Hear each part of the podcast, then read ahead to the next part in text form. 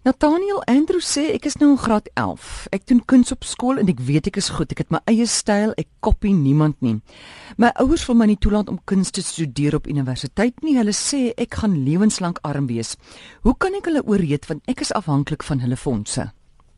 Ek het teruggedink aan my dae, maar my ma het nie dink toe hulle gesê ek gaan musiek swat was hulle bietjie verbaas en toe ek gesê het want ek wil 'n onderwyser word, toe was hulle fyn.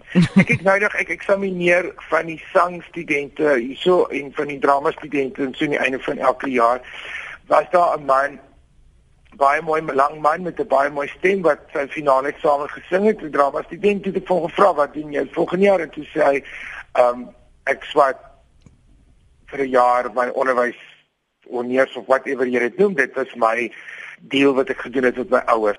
Ons is in die 21ste eeu. Dit is ondenkbaar dat dat ouers 'n passie van 'n kind af weggaan.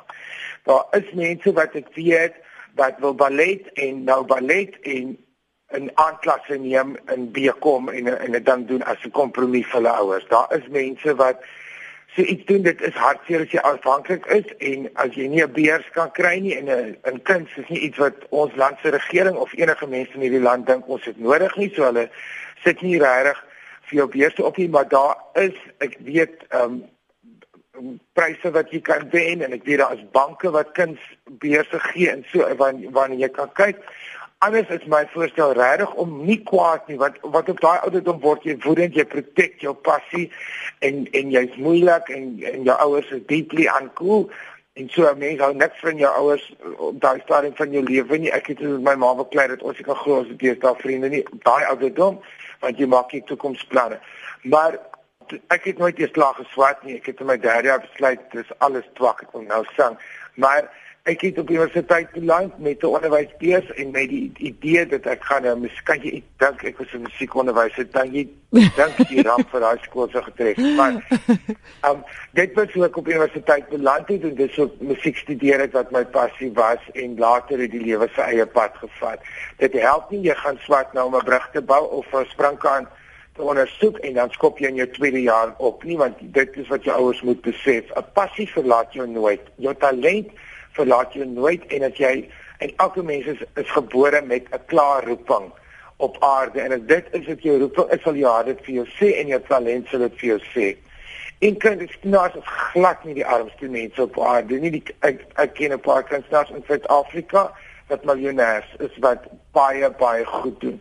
Dit is ook wat jy as jou ouers verduidelik, 'n kunstenaar beteken nie net jy sit 'n skilder of maak beeldjies nie. Daar is baie werk. Ek het 'n jong meisie wat kuns geswat het, wat 'n vriendin is van my, het ook begin meubels ontwerp en goedes en sy maak nou al die winkelvensters versierings vir miljoene rande vir 'n vir 'n baie groot maatskappy ontwerp sy net goedes. Jy kan vir kettingwinkels massiewe plekke, jy kan op rolprentstelle gaan werk, jy kan in teater werk.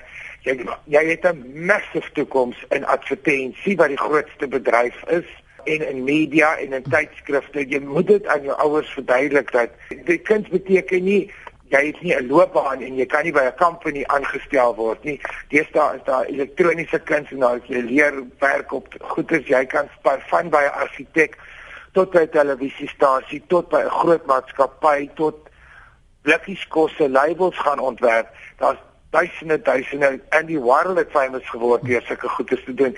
Daar daar's duisende goed wat jy kan doen. Dit beteken nie jy's arm nie. Dit is 'n mite en 'n ou voortrekker storie. Daar is mense wat miljoene miljoene rande maak met hulle kuns. Hier staan as 'n televisie kuns en jy maak musiekvideo's en jy doen animation. Ja. Kuns kuns is baie baie groot. Jy doen installations, jy doen vir groot banke en skatrykmaatskappye se foyers, kommissionwerke, hotelgroepe vra nou vir topkunstenaars om vir miljoene van hulle foyers goeders te doen.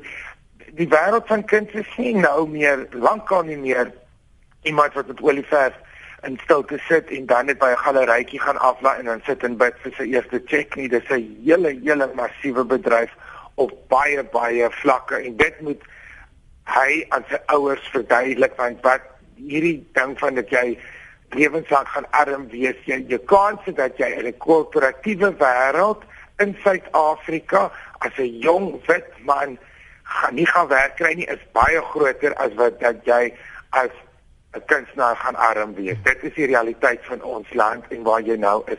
En kuns maak vir wêreldwyd, kuns is 'n internasionale ding, maak wêreldwyd. Daar is soveel Suid-Afrikaanse kunstenaars wat nou scholarships kry in Parys en wat agente het wêreldwyd.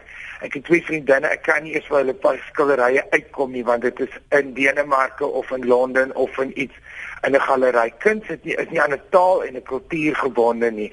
Kuns is 'n ding wat almal lees oor die aarde. Die hele wêreld is jou mark en die hele wêreld kan as gevolg van internet 'n skildery mm. sien die sekonde wat jy met hom klaar is. Daai is 'n bogstorie en iemand moet dit aan hierdie ouers so verduidelik. Heng Andrew, daar het jy jou antwoord. Ek hoop jy het hierdie opgeneem dat jy dit elke keer kan speel as jy enige teenstand het.